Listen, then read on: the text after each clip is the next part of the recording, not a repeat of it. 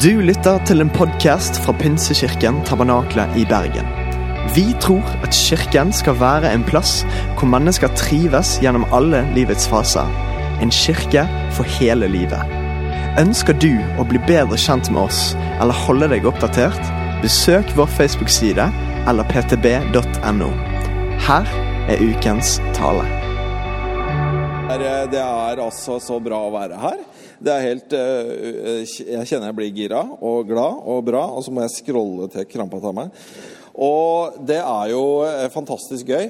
Mange nye og gamle kjente. Liksom, noen ganger så føler jeg liksom Det var en som spurte meg er det noen i Bergen som ikke har hatt deg som lærer. Altså Det er litt sånn derre eh, For jeg har vært litt lærer her og litt der og litt sånn, gjort forskjellige ting. Og da er det er jo veldig gøy for meg å få lov til å være aktiv på den eh, måten. Nå er det altså fem dager, fem uker, før etter Radiance jeg klarer ikke, altså Fokuset blir første Mosebok. Og eh, jeg har da fått utfordringen til å være avsparket. Og jeg syns det er en kjempestor utfordring til å liksom sparke av gårde da liksom en taleserie om første Mosebok. Og jeg måtte bare da liksom skille meg liksom ut, så jeg har da satt overskriften eh, Genesis. Det er jo fra engelsk, ikke sant? eller latin. Det fins faktisk som fremmedord på sånn genese. Det, det, er sånn, Hvis du får celler som dannes i kroppen, da er det genese. Så det er noe som, som blir til, som skapes, som noe som bare popper fram i virkeligheten. Og det er det som er greia her. Og jeg eh, har jo fått denne muligheten fordi jeg har, eh, har snakka om ting som dette her på Substans. Og jeg hører ville rykter om at det er utrolig nok ledige studieplasser på Substans denne høsten. Så du har muligheten til å få the full package hvis det er det du kjenner som mangler i livet ditt. Det gamle testamentet, altså det, det ligger jo i hele kortet at det liksom Det har kommet noe nytt etterpå. Altså, for eksempel, Det fins noe som heter Gammel jegermarsj. Har du hørt det? Det er sånn ompa-musikk. Altså, Hva het den når den var ny? Det har jeg alltid lurt på. Eh, og Det gamle testamentet het i hvert fall eh, eh, den hebraiske bibelen da den var ny. Og så fikk vi Det nye testamentet, og da begynte vi å kalle det Det gamle testamentet. Det er på hebraisk. Det er du utdødd. Hadde det ikke vært for, eh, for, Bibelen, så hadde hebraisk vært helt borte vekk. Men det er jo jødenes gamle antikke språk som vi nå har tatt vare på fordi boka er så viktig. Du må huske at Gamletestamentet det var den bibelen Jesus leste. Han hadde ikke liksom det der greiene vi leser mest av, Det nye testamentet. Det hadde ikke sett dagens lys. Så han og apostlene drev bare med det gamle testamentet. Og Vi kristne ser jo på Bibelen som en enhet. Det er jo 66 bøker, ikke sant? 39 og 27, og en, det er jo egentlig lagd over 1000 år av 40 forskjellige folk. Det er, det er jo egentlig en, At dette går an å binde sammen i én pakke, det er nå én ting. Men at det henger sammen, er ganske Det er et eget bevis for at det fins en gud. Eh, at det er én historie. Og Augustin han var en av geniene i den gamle kirke. Han sa det gamle er gjemt i det nye. Det nye er gjemt i det gamle, men det gamle er åpenbart i det nye. Jesus sa det at hvis du skal bygge et hus, og så bygger du på sand, så kommer stormen, så raser hele huset. Og vet du hva? Noen har det sånn i troslivet. Man bygger et trosliv, og så er fundamentet ikke sterkt nok. Og så kommer det en eller annen krise eller en eller annen greie eller et eller annet som skjer, noen tanker som kommer inn, og så raser byggverket. Men Det gamle testamentet må til for å bygge trosfundamentet solid, noe å stå fast på. Og greia er, Hvis du leser i Det nye testamentet, særlig i brevene, så kan du veldig lett få sånn inntrykk av at et kristenliv det er sånn liv i seier. Du blir steina, du blir satt i fengsel, men vi vinner likevel. Paulus ikke sant, er bare offensiv ikke sant, og bare gønner på. Keiseren i Roma, her kommer jeg. Men altså, seriøst, folkens, det, er, det funker veldig dårlig for 99,9 av oss. det der. For én ting er å være på topp når du har medvind. Men hva når det ikke er medvind, da? Mange kristne gir opp Gammeltestamentet, syns det er kjedelig, gidder ikke lese. Det er for mye ditt, det er for mye datt, det er for vanskelig å forstå. Men du skjønner, i GT så finner du de andre sidene i livet. Der er det både klagesanger, og klagesalmer. Altså, Jeg lurer på om den derre Klagenfurt, den byen i Østerrike, burde ha sånn spesialgreie der. Eh, men jeg har ikke hørt noe om det. Og det er tomhet. Alt er tomhet, faktisk, står det i Gammeltestamentet. Det er motgang, sykdom. Altså jobb, der er det 40 kapitler med sykdom og et halvt kapittel med bra først og et halvt kapittel med bra til slutten. Det er skikkelig krise, liksom. Og død. Disse er faktisk sider av livet. Derfor er Gammeltestamentet menneskelig og realistisk. Der er det ok, søndagsskole for voksne. Lidelse, død, urettferdighet, relasjonskonflikter, sex, vold og videotape, altså nær sagt, løgn. Eh, og skal du bygge en tro som står gjennom livets stormer, så er det veldig lurt å få med deg Det gamle testamentet på trosreisen for å få det fundamentet. De forbød det i Nazi-Tyskland, for det var jo skrevet av jødene. Vi, ikke, vi, kristne må ikke gå i den fella og gjøre det samme som den og utelukke det av en eller annen grunn. Vi må ikke gjøre naziblemma og glemme Gammeltestamentet. Martin Luther, noen som har hørt om han? Han var jo et geni. Men det var faktisk han som fant opp navnet første Mosebok. Før så het det Genesis på latin og gresk og sånn. Og på hebraisk het det Bereshit.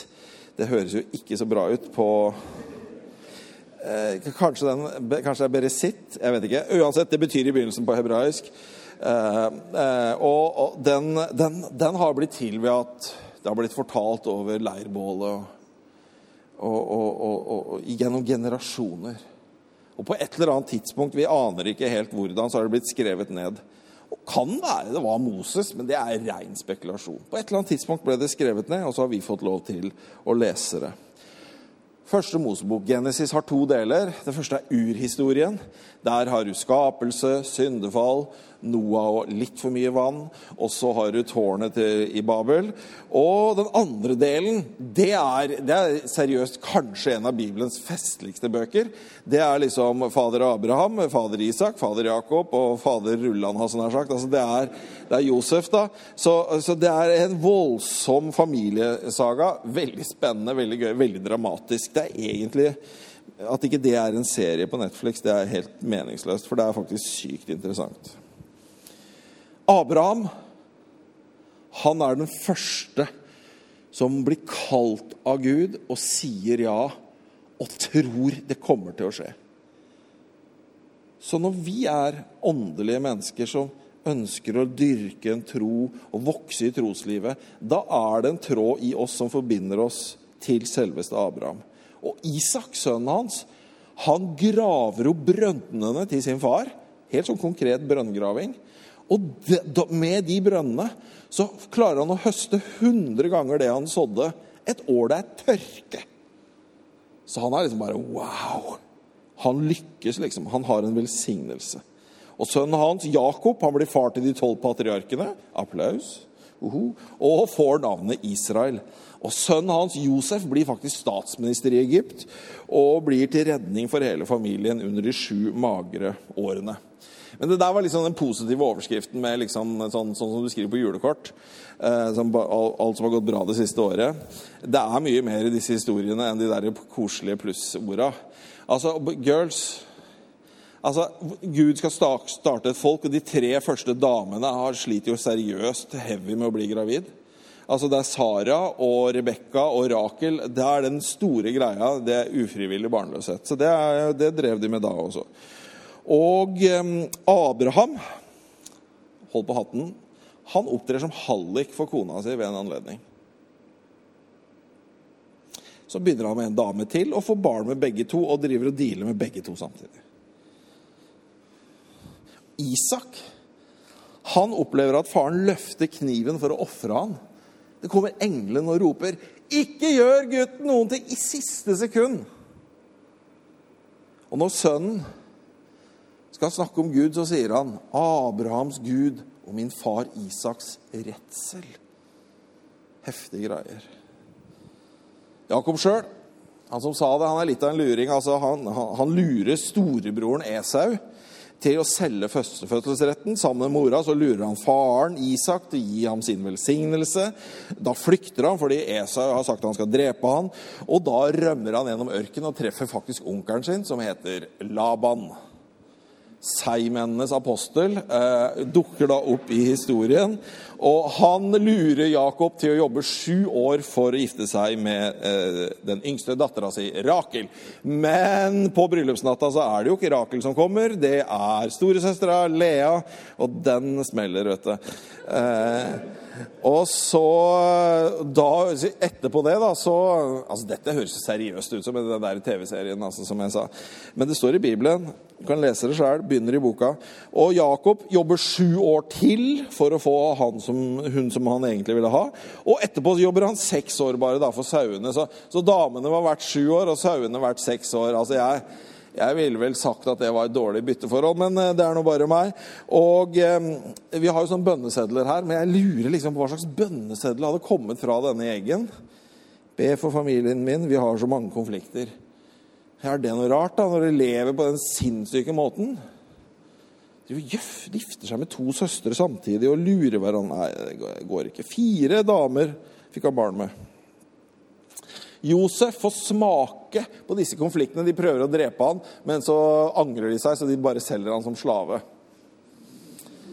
Når han kommer til Egypt som slave, så blir han feilaktig dømt for seksuelle overgrep. You too? Nei, me too. Nei, eh, Josef too, på en måte. Altså.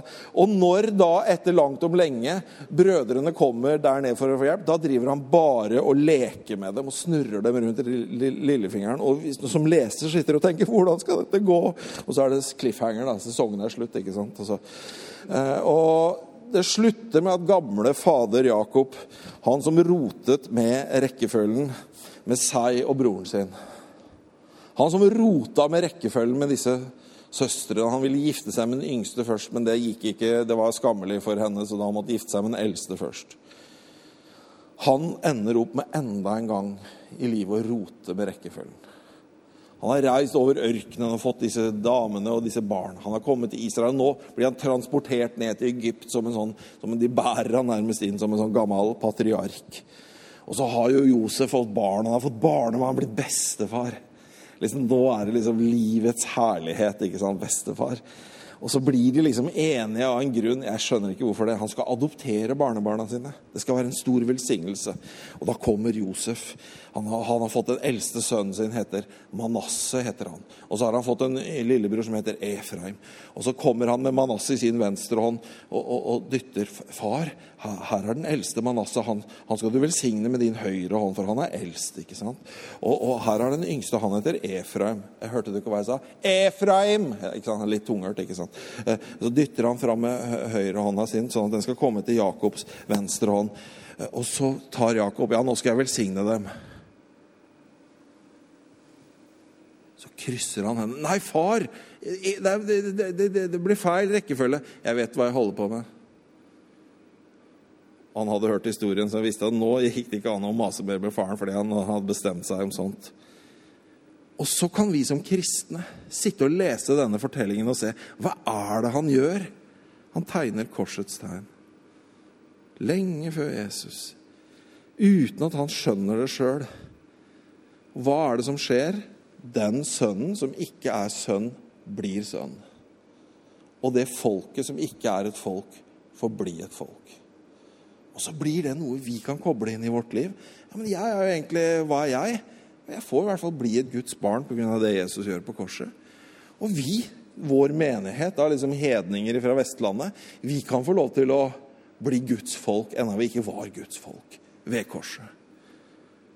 Nå har jeg gitt deg et eksempel på noe av det jeg syns er fantastisk med Det gamle testamentet. Det fins en bunn, og det fins en dobbel bunn, og det fins en trippel bunn i lesingen.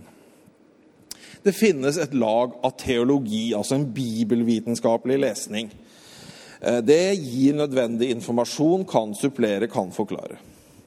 Og så er det et lag av bakgrunnshistorie for å forstå hva Jesus snakker om. Det første, første Mosebok er sitert en drøss av ganger i Det nye testamentet. Så vi trenger det som bakgrunnshistorie for å skjønne hva som skjer i Nytestamentet. Og så finnes det et lag av en sånn åndelig lesning hvor vi bare plugger rett på. Vi bare kommer susende med, med Bluetoothen vår og bare logger oss rett på og sier dette her vil jeg ha inn nå. Last ned nå. Og så bare Ja, men det, var jo, det er jo 3000 år siden. Nei, men det betyr noe for deg i dag. Det er det dynamiske, intense med Bibelen. Den lever. Den lever. Og Derfor så har jeg gått til det skritt å kalle dette for en hva skal vi si, åndelig sandwich. Du har liksom flere sånne lag. Og, én ting av de tingene jeg har, som jeg lengter etter i livet mitt, som liksom er unfulfilled, det er sånn New York sandwich. Det er sånn der, med, du vet sånn der Joey, ikke sant? Det er sånn der lag på lag på lag. med sånn der, Du får sånn må operasjon i, kjaken etterpå, for det er for, det er for stor. ikke sant? Det, jeg har vært i New York, men jeg har aldri fått det, det, har jeg, det står på lista. Men eh, jeg tror jeg, USA, jeg har gitt opp USA litt eh, pga. han Donald. Men eh, om noen år så kanskje så skal jeg over der og spise den sandwichen.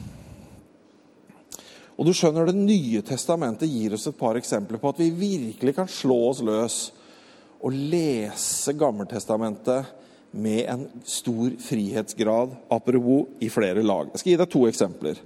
Det første eksempelet er disse, denne trekantdramaet Abraham, Sara og Hagar. Abraham med de to damene. Eh, og der står det da i Bibelen, Galaterne 4. Det står jo skrevet at Abraham hadde to sønner, en med slavekvinnen og en med den frie kvinnen. Slavekvinnens sønn ble født etter naturens orden, altså hjemmelagd metoden. Den frie kvinnens sønn ble født ved Guds løfte. Dette har en dypere mening. Kvinnene står nemlig for to pakter. Den ene, Hagar, er pakten fra Sinai-fjellet. Hennes barn ble født i slaveri. Altså, Det var jo en ekte kvinne, dette her. Det var jo en dame. Um, og det, Mye kan sies om henne. Men hun fikk faktisk barn med Abraham, og Ishmael het han. Men poenget er at når Bibelen snakker om det her i Galaterbrevet, så er hun mer et symbol på et fjell. Hagar er et fjell, en pakt, eh, slavepakten. Eh, hun skal kastes ut fordi hun ble drevet ut av, Abraham i bibelfortellingen. Og så blir det et symbol på at vi skal drive ut en lovisk livsstil som gjør at vi blir bundet i religiøsitet.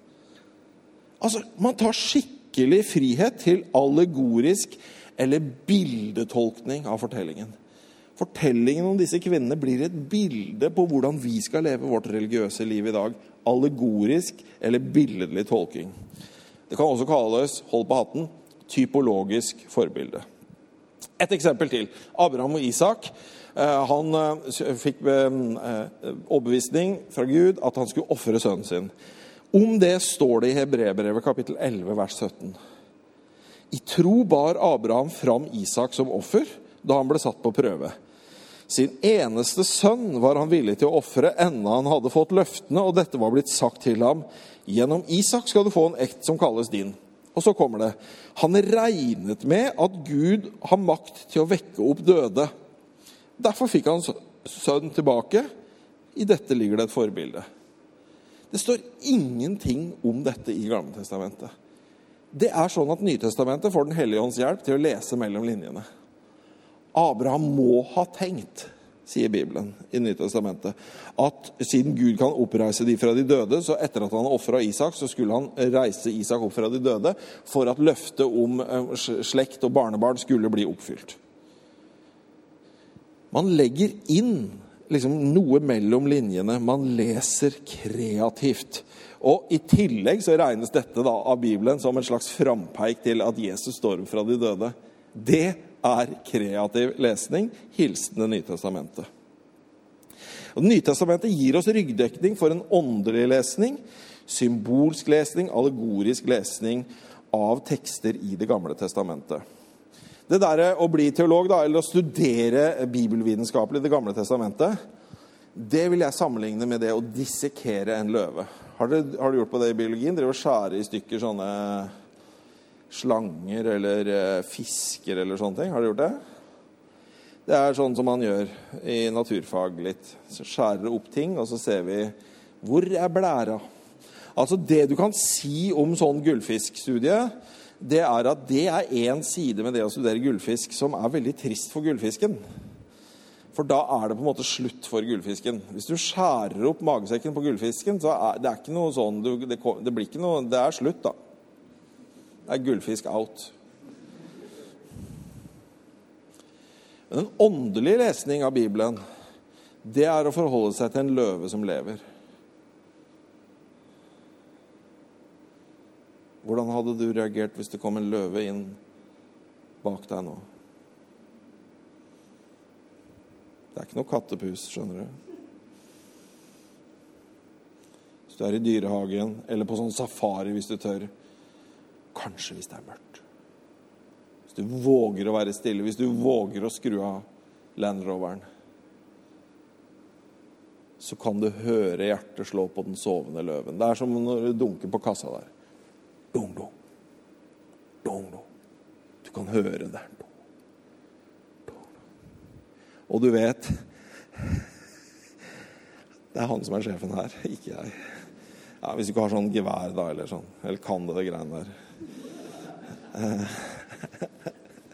jeg hørte en fyr etter, Jeg vet ikke om dette er virkeligheten eller ikke, han sa Jeg var på en sånn safari, og så sa Hva skal jeg gjøre hvis løven angriper? Da kaster du bare dritt, bæsj, i trynet på han. Ja, men hvor finner jeg bæsj og så ser bare lø løvevokteren på meg og sier det går helt av seg sjøl. Du bare tar hånda ned i buksa. Jeg syns det var morsomt. Eh, fascinerende. Eh, og sånn er det med Bibelen. Eh, sånn. Sånn og sånn. Sånn, sånn ble litt sånn omtrentlig, føler jeg. Det er sånn at vi kan risikere å dissekere Bibelen og tenke at denne drepte løven som vi skjærer opp i stykker, er hele sannheten om løven. Men det er bare noe av sannheten om løven. Interessante detaljer. Viktige kunnskap. Men du skjønner, det er når løven er levende, at hårene reiser seg i nakken på mennesker som kjenner Oi, denne katta biter. Dette er sjefen i rommet. Oi. Sånn er den levende bibelboka. Den kan brøle til deg og mjaue. Og det kan virkelig få deg til å kjenne at du lever. Urhistorien som jeg skal løfte fram nå i dag, det finnes i skapelsesfortellinger fins i de fleste mytologier. Vi har sånn norrøn mytologi. Der, blir, der er det isen på den ene sida og ilden på den andre sida, og mellom er det ginnungagap, og så møtes de, og der kommer det tvekjønnede troll som føder mennesker ut av armhulen. Altså, du vil nesten ikke tro på det hvis du ikke hadde lest det hos Snorre. Eh, og fins overalt i alle sånne religioner og uh, folkemytologier. Men i Bibelen er det én Gud som skaper ut av ingenting ved sitt ord. Det er noe spesielt.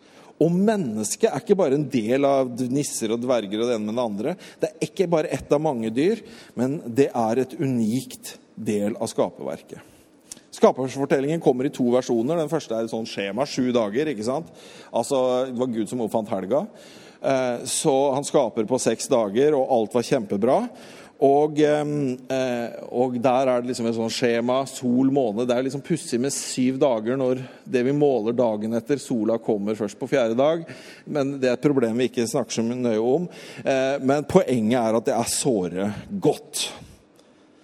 I kapittel to så er det en fortelling som er mye mer sånn eh, Gud former et vesen i leira.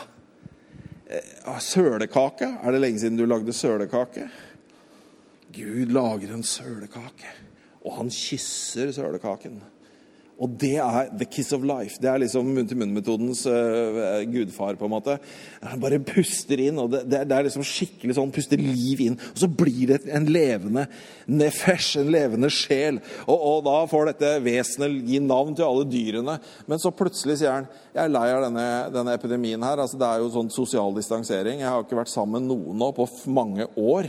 Jeg vil ha en som ligner på meg. Altså Her får han alle dyr, og vil ikke ha noen av dem. på en måte.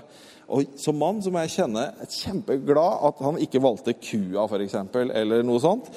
Og Gud kjører eh, narkose og tar ribbeinet ut av dette vesenet, og da blir det mann og kvinne.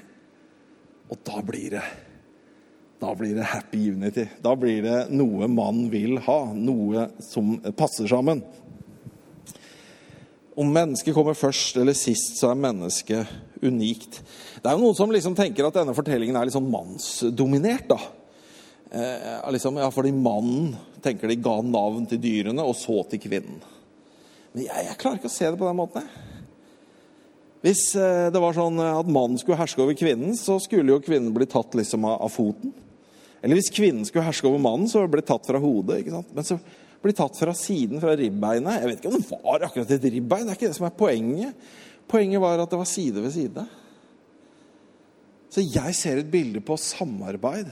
Skape noe sammen. Skape barn sammen, veldig konkret. Skape, bygge opp noe sammen. F.eks. en menighet. Eller andre ting her i denne verden. Skape noe sammen. Men vi er på det vanskelige punktet hvis Bibelen er uten feil, hvordan kan man forstå bibelfortellingen om skapelse, syndefall, Noah og Babels tårn i møte med naturvitenskap? Det er ikke til å komme fra at vi snakker kanskje for lite om det, og det blir en trosutfordring. Særlig er det mange kristne ungdommer som møter det i studiesammenheng.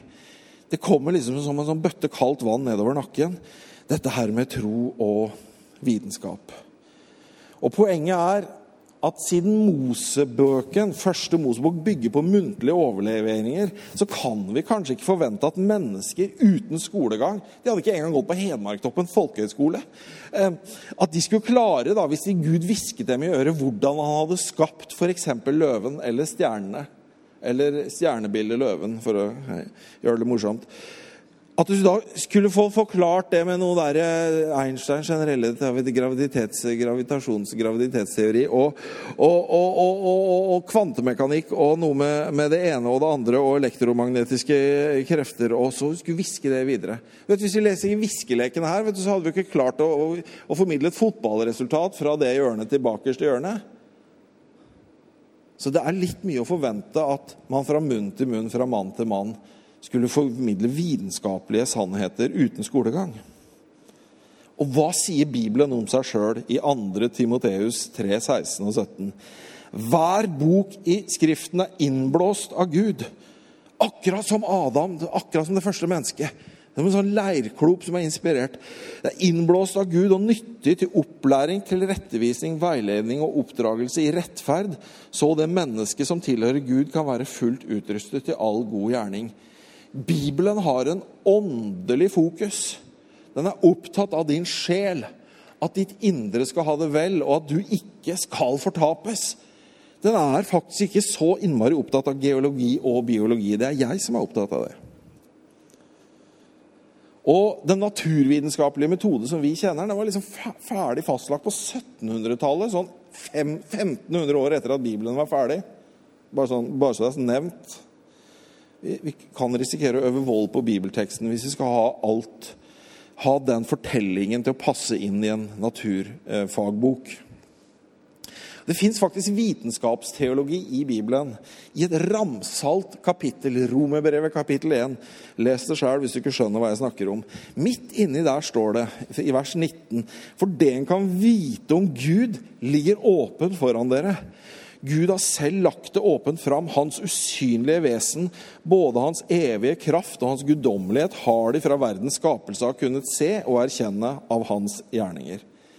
Så Derfor kan man tenke at vitenskapen avslører litt om Gud. Når vitenskapen finner ut et eller annet om planetene og hvordan de har blitt til, eller noe sånt, så har man liksom ah, funnet en av Guds hemmeligheter. Eh, stilig. Det er sikkerheten til Gud som han ikke gadd å skrive om i Bibelen, for det var ikke så viktig. Men det var en, en kul hemmelighet som Gud hadde. En sånn positivt syn at det sier noe om Gud. Og så er det Jesus som viser virkelig hvem Gud er i den spesielle åpenbaringen. Vitenskapen sier noe. Bibelfortellingen, Jesus-åpenbaringen, sier noe annet. Denne måten å se det på gir en større frihet og fleksibel til sånn å tolke tekster i Bibelen mer billedlig. La oss snakke litt mer om den eh, spenningen her. Det er fire strategier for å håndtere den eh, spenningen. Du ser det her, fire sånne sirkler jeg har klassa ut der på i dette Powerpoint-programmet. Altså ateistisk evolusjon helt borte på den ene fløyen. Og så har du litt mer sånn et ulike måter å tenke på som sier at ja, vi er åpne for at det fins en skaper. Kreasjonisme, intelligent design, teistisk evolusjon. Eksempel. Kreasjonisme fins i veldig mange ulike tapninger. Men det kan finnes på den måten at en tenker verden ble skapt av Gud på seks dager for 6000 år siden. Ung jord-kreasjonisme. Da tror en på Bibelen. Det blir et veldig tydelig fundament, og det blir veldig få vanskelige tolkninger i Bibelen. Det er de sterke sidene ved å tenke på den måten. Men de svake sidene ved å tenke på den måten, det er at du hele tiden utfordres av standard naturvitenskap. Altså antall år og millioner og milliarder av år, og hvor tykk er isen på Grønland? Den er, ja, nok om det. Um, og det fører til at sånne, eh, den delen av kreasjonismen skaper mange virkelig kreative vitenskapelige hypoteser siden isen på Grønland er så tykk at den ikke kan ha blitt på vanlig prosess må den ha blitt dannet over 40 000 år. Derfor eh, regner vi med at vannflommen til Noah skapte grønlandsisen veldig fort. Kreativ vitenskapshypotese. Ingen støtte til det i vitenskap. Indirekte så angriper disse, disse, som tenker på denne måten, forskere. Og den er delvis lukket for ny vitenskapelig forståelse. Og den tar ikke hensyn til at første Mosebok er blitt til gjennom muntlig overlevering. Så alle disse tenkemåtene har sterke og svake sider. Vil du lese mer om dette, så må du gå til skaper.no eller creationism.org. Det er de eh, raske stedene jeg fant for å lese mer om dette. Så kan du liksom gå på den helt andre kanten og gå på sånn teistisk evolusjon. Da tenker en all vitenskap er sann. altså Den, den utvikler seg jo hele tiden. Men det, det fjerner da masse hinder for troen. Du liksom lager ingen ei, da vitenskapen har funnet ut alt. Vi stammer fra apene, og alt er sånn osv. osv. Veldig tilpasningsdyktig tro. Men den har noen andre svake sider. Hvorfor trenger du Gud da, hvis det er en evolusjon? Hvis vi stammer fra apene? Og kan virkelig mennesket være skapt i Guds bilde da? Er vi ikke da bare et veldig spesielt dyr? Og hvordan kan vi stole på at Bibelen, hvis den ikke snakker sant i starten? Du får en del sånne problemer hvis du tenker på den måten også. Svake sider med den måten å tenke på. Og så har jeg satt opp en sånn som er litt sånn i midten, som jeg kaller kreasjonisme gammeljord. ikke sant? Det er en skaper, men jorda kan være milliarder av år osv. Eh, da ser man positivt på naturvitenskap. Tolker urhistorien som bilder mer enn historie, allegorisk, og fjerner hinder for troen. Men den har noen svake sider. Det har den svake siden at du tar ikke hele Bibelen bokstavelig. Og så velger du ut noen vitenskapsproblemer for troen og, og, og liksom dropper andre. Og en, en, skikkelig sånn ateistisk vitenskapsmann vil bare si tull og tøys. Det er bare pynta kreasjonisme.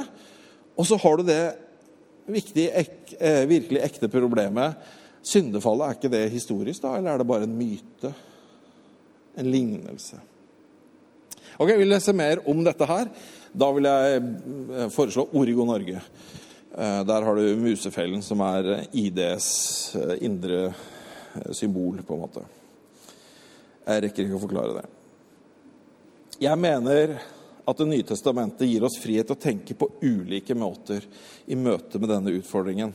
Og her har du en slags spekter av eh, strategier for å håndtere denne. Men ta ikke feil. Hvis du møter de virkelige ateistene, så kommer ikke de til å bli glad i deg fordi du sier jeg tror ikke bokstavelig at Bibelen er 6000 år. Så kommer ikke de liksom 'Å, du er en veldig flott fyr'. De kommer til å hate deg like mye og si 'din dust, du tror at det finnes en Gud'. Det finnes et anstøt i troen og det å ha en velgen åndelighet i livet som du ikke blir kvitt. Men det er likevel nødvendig for oss å utforske disse tankemønstrene for å ha en stabil grunnmur for vår tro. Eh, la meg gi deg noen sånne bilder, noe jeg synes, jeg, jeg, liker veldig godt. da. Hvordan kan tenke om, skapelse som en sånn bibellesende kristen. Altså, Genesis det er jo skapelse. Og, og her sant, så har vi et, en sånn galakse. Broren min heter Carl Axel, så der selvfølgelig blir han en galakse. Eh, og den der er jo ganske fin. Ser ut som den er henta rett fra Star Wars. Eh, og så liker jeg den der veldig godt, altså, fordi det er litt sånn søndagsskolen. ikke sant? Altså, at Gud holder hele verden i sin hånd. Han er liksom, jorda er liksom lagd i hendene hans liksom som sånn der leirklump. Det er litt sånn lekkert, ikke sant? Men så har vi jo da dette kapellet til paven, som har verdens beste kunst. ikke sant? Hvor han har det der maleriet der, som er en slags kunstallegori på skapelsen. Det, kom, kom igjen fram med fingeren nå. Nå skal vi bryte Nå skal ta, ta sånn finger på den du sitter ved siden av. eller noe sånt. Bare, bare sakte, sakte, sakte. sakte. Kom igjen, helt borti. Kom, ja, bare kjenn. Får du støt? Hvis du får støt, så, så skjer det noe. Det, jeg syns det der er så kult. Det er sånn, og, så, og, så bare, og så det, liksom. Og så bare, oh, det, er, det er noe innmari kult med det maleriet. Veldig, veldig imponerende kunst. Og så vet vi at Big Bang eh, Hvordan ser det ut? Dette er en sånn stjernetåke. Jeg bruker det bare som en illustrasjon på Big Bang. Og så er det noen som har sittet hjemme på datamaskinen og hamra løs og lagd den her. Var det sånn han gjorde det? En måte å tenke på når vi får eh, informasjon om vitenskapelig tenking, så kan vi liksom bare tenke Var det sånn Gud gjorde det? Det finnes en virkelig sånn dyp glede og trygghet i det å tenke ah, det fins noe der, noe spesielt, noe Gud gjorde. Eh, og på samme tid som jeg kan lese i urhistorien allegorisk, så kjenner jeg at jeg lar meg inspirere over f.eks. bibelordene 'bli lys'. Se på det kule bildet der. Eh, det ser egentlig ut som en solformørkelse. Eh, for akkurat på slutten så Det kalles diamantringen. Akkurat når den der, Det er en annen ting jeg ikke har sett. Det er denne sandwichen i New York, og så er det en total solformørkelse og bli lys. Vi vet det. At Big Bang Theory, ikke TV-serien, men den astronomiteorien, sier at det, en energiutløsning som Big Bang ville skapt et enormt lys. Bli lys. Nå skal, jeg, nå skal jeg vise deg, nå kommer det ordentlig kosmologi her. Altså, Dette er en eh, jeg vet ikke om jeg kan forklare det engang. Jeg har jo lest sånn eh, populærvitenskapelig magasin. ikke sant?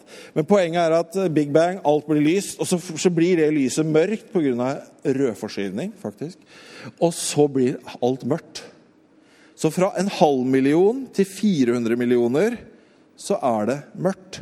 Og så tennes den første stjernen. Så universet fins og er helt mørkt. Og så tennes den første stjernen. Blir lys. Og da sitter jeg og tenker ja da, det er greit at disse gamle gutta satt og fortalte disse historiene rundt et bål, men noen av dem hadde altså snakka med han som gjorde det. Den følelsen sitter jeg igjen med. Du, De der har hatt med Gud å gjøre.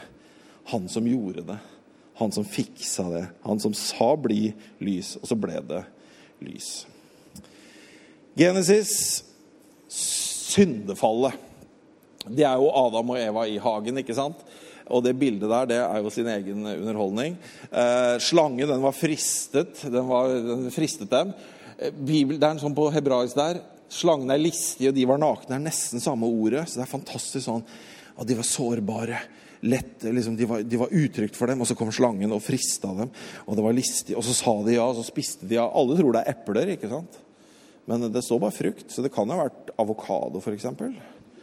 Er ananas frukt? Åssen er det der? Jeg vet ikke druer. Og se på det, det der bildet syns jeg er dødscreepy. Liksom et sånn veldig fristende eple som bare snakes av en sånn slange. Bare, oh. Det er som snake oil i Flåklypa. Og eh, eh, så blir da konsekvensen ut av Edens hage, ut i landet øst for Eden. Og da er det en sånn uro som mange kjenner på. Hvorfor blir Gud så innmari sint pga. en frukt? Han hadde jo skapt de frukttrærne. Hvis du setter fram fruktfat, så kan du ikke si at ingen skal spise av det. Altså, Du får den der protesten i oss. Men du skjønner, det er fordi konsekvensen er så dramatiske, og det kneet, det kjenner du.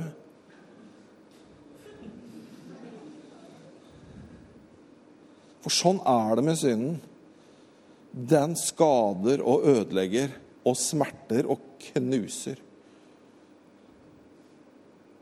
eller kriger og dreper. Konsekvensen er så rå og så dramatisk. Og syndefallet, ja, det, det er Adam og Eva. Der, eh, noen kan se på det som allegorisk, fordi Adam og Eva er navn som ikke fins noen andre steder. Det betyr 'av jorden og liv'. Men likevel så er det nettopp syndefallet er mitt og ditt, for konsekvensene er så store. Og det ender i drap, og det ender i terror.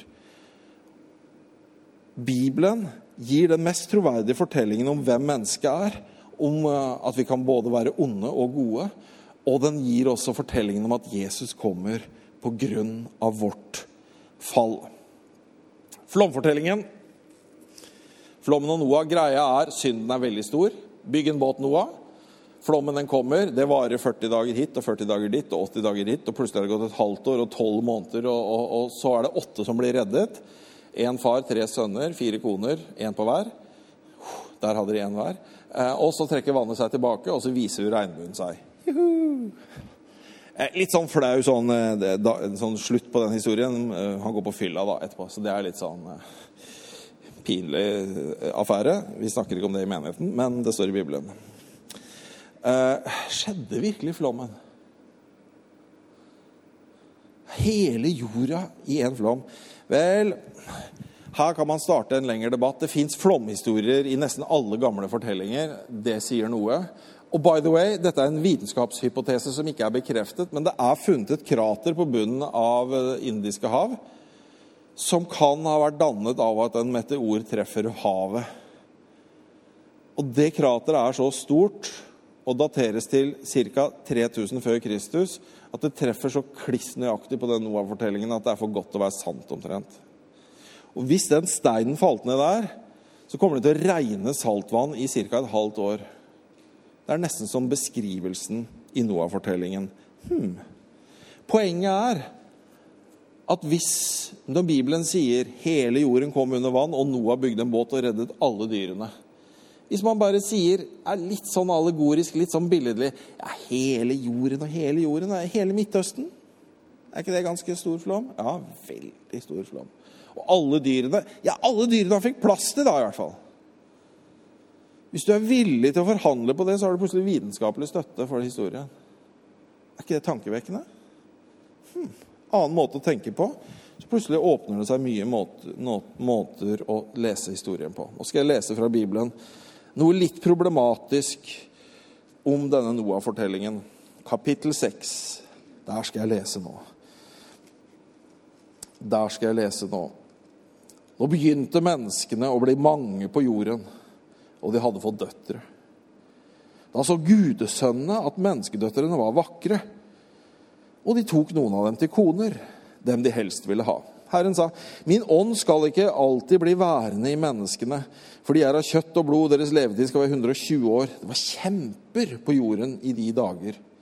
Og siden også, for gudesønnene gikk inn til menneskedøtrene, som fødte dem barn. Dette er de mektige fra eldgammel tid, de navngjete. Herren så at menneskenes ondskap var stor på jorden, for, ville, for alt de ville og planla i sitt hjerte, var ondt dagen lang. Denne innledningsversene i Noah-fortellingen sier liksom grunnen til at Gud ville vaske jorda en skikkelig rundvask, en skikkelig, skikkelig eh, hva heter det, skyllebøtte. Og eh, den har faktisk to hovedtolkninger. Den ene har vi helt glemt. Dette er den moderne tolkningen. Og da blir liksom gudesønnene Hvem skal det være? Jo, det blir liksom de der Kains etterkommere. Han som drepte broren sin og ble landsforvist. Og han har jo formert seg og greier. Og fått en masse, eh, og så kalles de gudesønner. Veldig pussig språkbruk. Men at de likte kvinnene, det kan vi godt eh, skjønne. Og det blir en veldig menneskelig og fin forklaring. Men da blir Gud veldig sint. For han er veldig sint fordi at vil, noen, med, noen, folk vil ligge med noen andre folk, og det skjer jo hele tiden, folkens.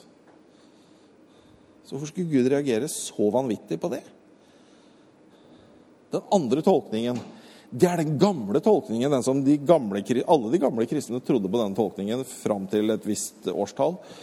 Uh, alle kirkefedrene osv. Og, så og da er tolkningen at gudesønner, det er, er engler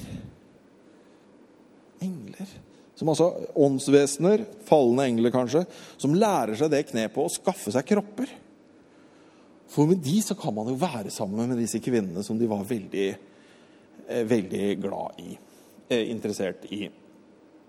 Det er jo ikke så vanskelig å tro på.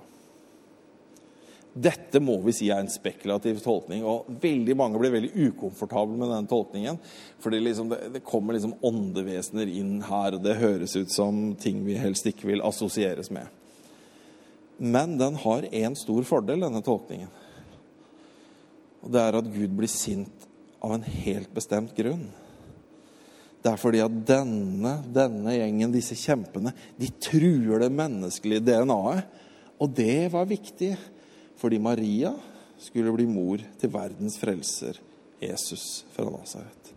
Så for å beskytte Maria, for å beskytte Jesu mor, så vil Gud beskytte. Derfor blir Gud sint. Og går litt bananas og drukner hele gjengen. liksom. Det er det fordelen med denne tolkningen. Og som du ser, det er mange vanskelige valg, tolkningsvalg i møte med disse gamle tekstene. Det er ikke til å komme ifra.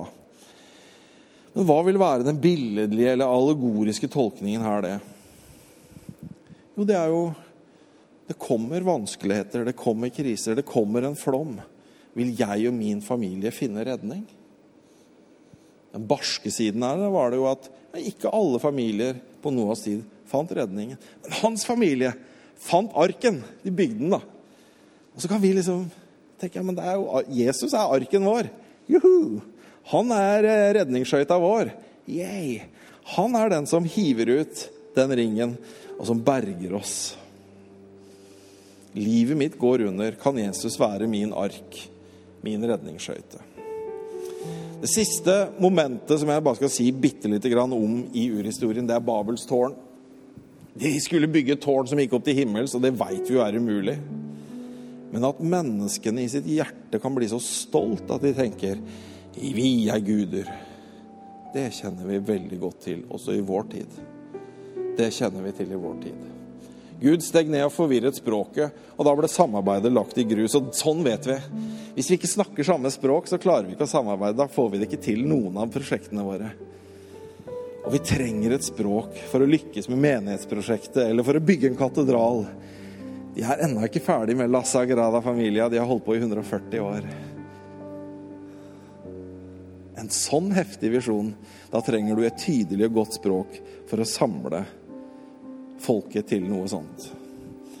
Men det som er spennende med Babel, er at det er antipinse.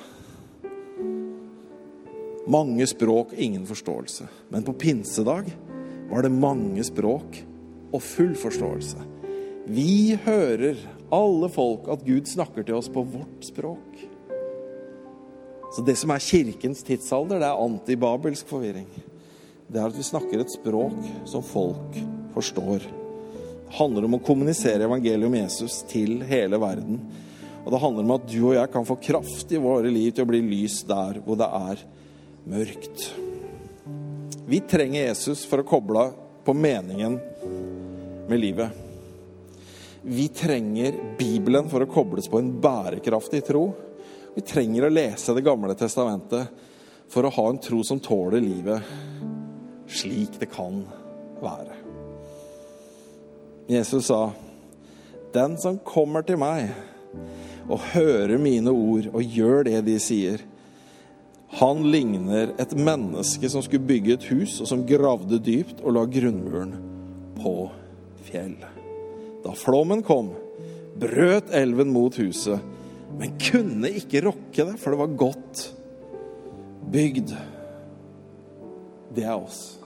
Det er vi som velger den åndelige siden ved livet. Til å åpne oss på bibelfortellingen og ta imot Guds nåde. Og si ja, Jesus. Din bibel er min bibel, og ditt ord, det skal jeg bygge mitt liv på.